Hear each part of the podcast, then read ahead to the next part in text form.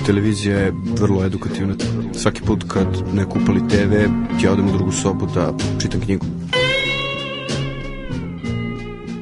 Prljava knjiga nikad nije prašnjava.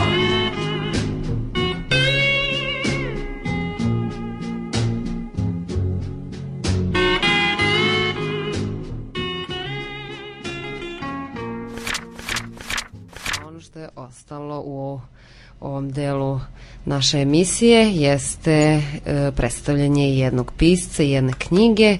Danas je u pitanju Juri Dobro, Dombrovski, Dombrovski jeste. i knjiga Čuvar starina. Jeste.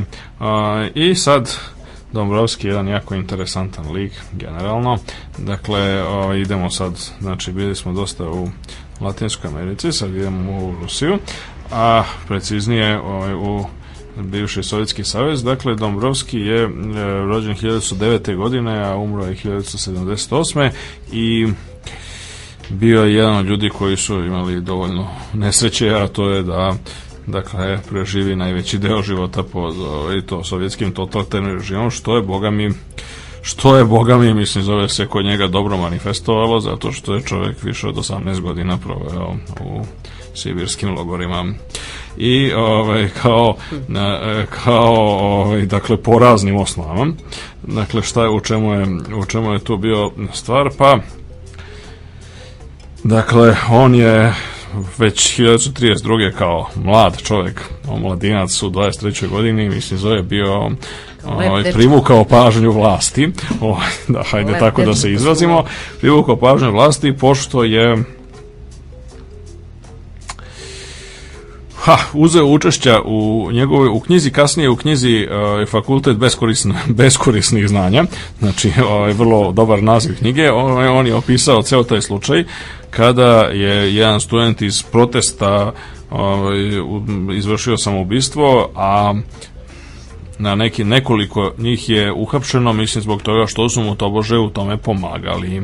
I sad šta je tu tačno bilo, priča je prilično komplikovana, mislim zove ima u toj njegovom romanu prilično detaljno obrazloženo, ali u svakom slučaju mislim zove to je on prvi put je što se kaže postao poznat vlastima da upotrebimo ovaj, taj ovaj, lep eufemizam i bio je mm, e, nakon mislim zove onog li kraćeg brojaka u pritvoru bio je u, podvrnut meri takozvanog unutrašnjeg progonstva. To je ono što se mm, ovaj, što što nije tako poznato našim slušalcima. Naime, evo, u njegov primjer je jako dobar zato što je on ovaj, čovjek bio ovaj, iz svog rodnog grada Moskve bio je proteran u Alma-Atu u Kazahstanu i tamo je morao da boravi Sad to nije bilo, to je bilo bolje, mislim zove nego naravno nego ovi, nego naravno sibirski Sibir, logori da. i, o, i tako dalje, ali svejedno mislim zove, znači morao je striktno nije smeo da menja mesto boravka, morao je tamo da bude i bio je pod nadzorom lokalnih vlasti.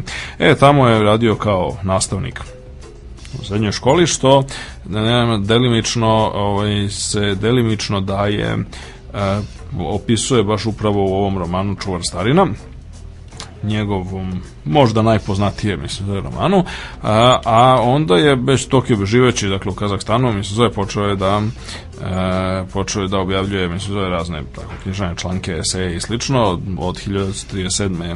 nadalje e, njegov, njegov prvi roman pod nazivom Dežavin objavljen 1038.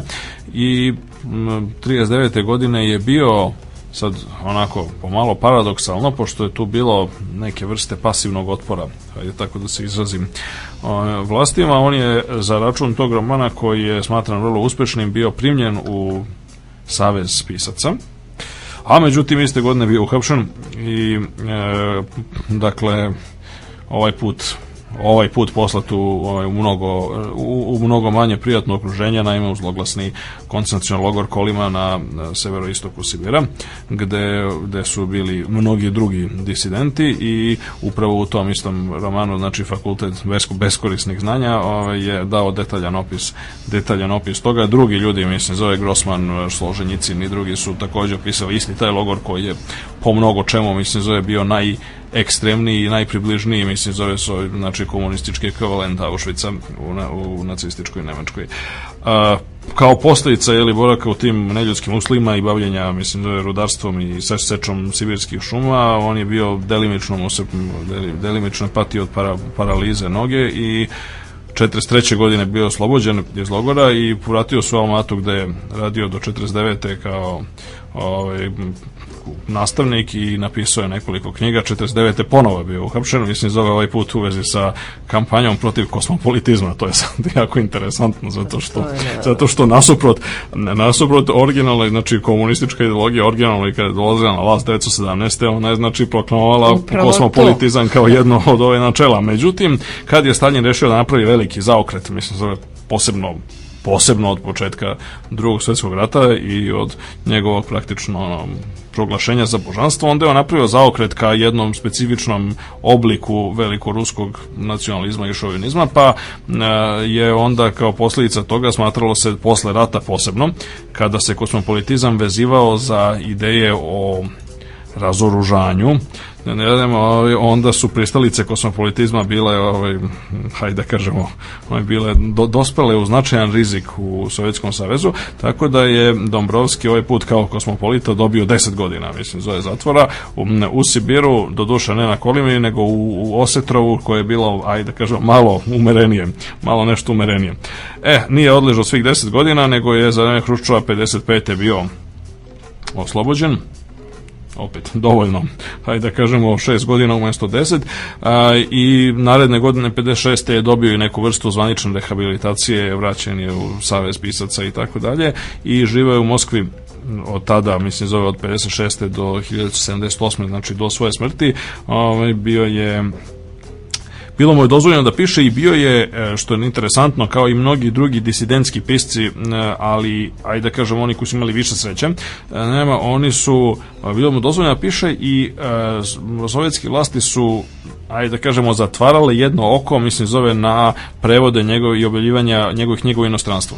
Gledali Ali nije, jeste, i to, to, to je bilo poznato, mislim, zove da on objavljuje među ruskom emigracijom, mislim, zove Napolju i da su se pojavili prevodi, mislim, zove njegovih knjiga i tako je. A ali ni jedna jedina knjiga za života mu nije izašla na ruskom. Mm. Dakle, bilo je potpuni, znači, bio je, bio je, kažem, pod potpunim embargom, o, tako da, e, i niti je, mislim, zove, niti mu je bilo dozvoljeno da putuje, čak ni u ove zemlje takozvane narodne demokratije, kao što je Poljska, mislim, zove, gde on želao, imao rođake, mislim, zove, i tako dalje, želao da putuje u više navrata, ali nikada nije dobio dozvolu.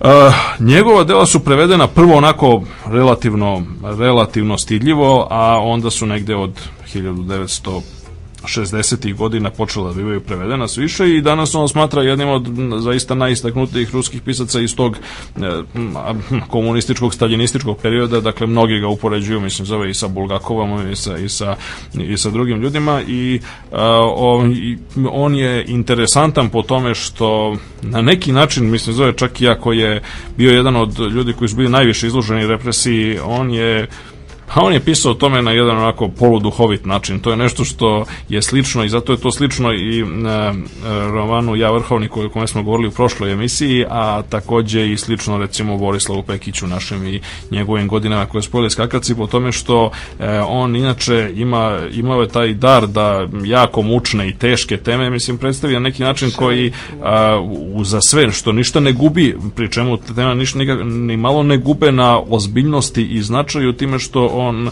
na neki način dodaje, mislim, zove jednu notu ovako duha i, i, i makar i crnog humora, mislim, zove, koji je na neki način sprečava da čitaocu zaista spopadne muka, mislim, zove ovo cele stvari. E, izdanje e, njegovog romana čuvar starina, e, dakle koje se e, koje ovdje imamo na srpskom je izašlo u izdanju književnih novina u Beogradu 1986. u prevodu već legendarnog Milana Čolića koga još jednom ovaj, pozdravljamo i odajemo svako priznanje mm. pošto kao, kao našeg ovako najboljeg slaviste i ovako najinteresantnije ličnosti generalno. A, u, u, ovo je bila čuvena čuvena, čuvena edicija Super Roman, mislim, e, dakle, tu se svašta pojavljivalo, mislim, zove, tu je bio i Bukovski, i Artur Clark, i sve i svašta, mislim, zove, znači, jako dobre edicije poznate crne knjige, mislim, zove, sa šarenim natpisom Super Roman pri vrhu i sa mhm. raznim, raznim ako, simboličkim ilustracijama. A, e, ono što je interesantno jeste da, znači, a, e, čuvar starina je, je onako neka vrsta a, kažem, To je knjiga koja jeste se bavi totalitarizmom, ali na neki na, na jedan vrlo suptilan i prikriven način. Naime, e, likovi, vrlo zanimljivi likovi koji se pojavljuju u ovom romanu, oni su na neki način svi svesni da hodaju po ono, ivici žileta, mislim zove da m, mm, samo, mislim što jako malo fali da im se dese vrlo neprijatne stvari, ali s druge strane, ovaj, to se nigde se ne prikazuje otvoreno, mislim zove, nigde nema, mislim zove, posebnih nekih brutalnosti, oni pokušavaju da imaju privid normalnog života i to ono što je možda najveća, najveća vrednost ovog romana jeste što ona po pokazuje zapravo koliko je nemoguće ovaj, simulirati ovaj, normalan život, čak i u malim sredinama kao što je, mislim, zove to Almata škola, pa sad ima ta, taj muzej, mislim, zove gde se nalaze neke arhe, arheološke nalazišta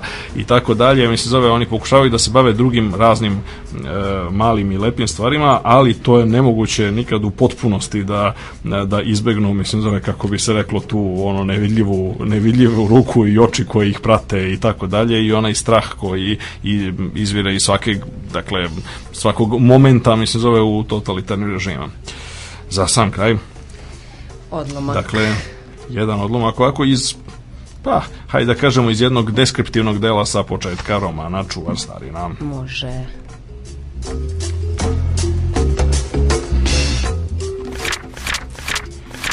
Grebenasti ornament, grebenasto udubljeni ornament, pisalo je na etiketama. Udubljeni ornament, to je bio onaj najdrevniji crtež. Jednostavno čovjek je ležao na obali reke, gurao prst u pesak i posmatrao šta ispada. A ispadali su linija, tačka, ponovo linija, ponovo tačka. Sad to više nisu bili linija i tačka, već crtež. A posle je neko, možda i on sam, a možda i neko drugi, preneo te linije i tačke na grlić posude, stavio na vatru da se peče. I tako je nastao ornament. I ponovo se očigledno ništa posebno nije desilo i niko ništa posebno nije zapazio, Samo je starica koja je dremala kraj vatre odmahnula glavom, deca su zapištala, počela da igraju ili moljakaju da im se dopusti da podrže novu posudu u rukava. Eto i to je sve što se najverovatnije desilo tog nekog drevnog dana kraj ognja. Ali ornament je bio rođen, počeo je da živi, raste, da menja svoje obrise, da se usložnjava, dobija nove detalje, postaje sve teži. Sad više nije zauzimao samo grlić posude, već celu posudu, spuštao se nadole, izvijao se kao zmija, vrte u spirali, poljivao čas ovde, čas onde, odisto je počeo da liči na greben. Kao da su se otvorile ljudske oči, one ugledale ono što nije moglo čak ni da se vidi u snu, čiste geometrijske oblike. Ne okrugao list, ne trouglasti kamen, već krug i trougao, liniju i tačku u najraznovrsnijim spojima i pored linija jednostavnih, izlomljenih pod raznim uglima, pojavili su se kvadrati, ovali, piramide. Do neprepoznatljivosti se promenila i sama linija.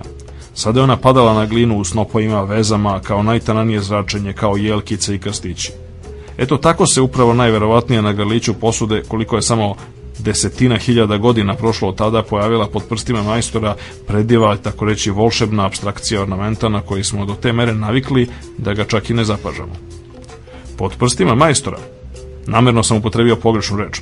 U tome jeste stvar što tvorac ornamenta nije bio majstor, već majstorica. Ne muškarac, već žena. Pod otiscima prstiju koji su očuvali na zidima posude, antropolozi su došli do zaključka posude vajala žena, a tako je verovatno moralo i da bude.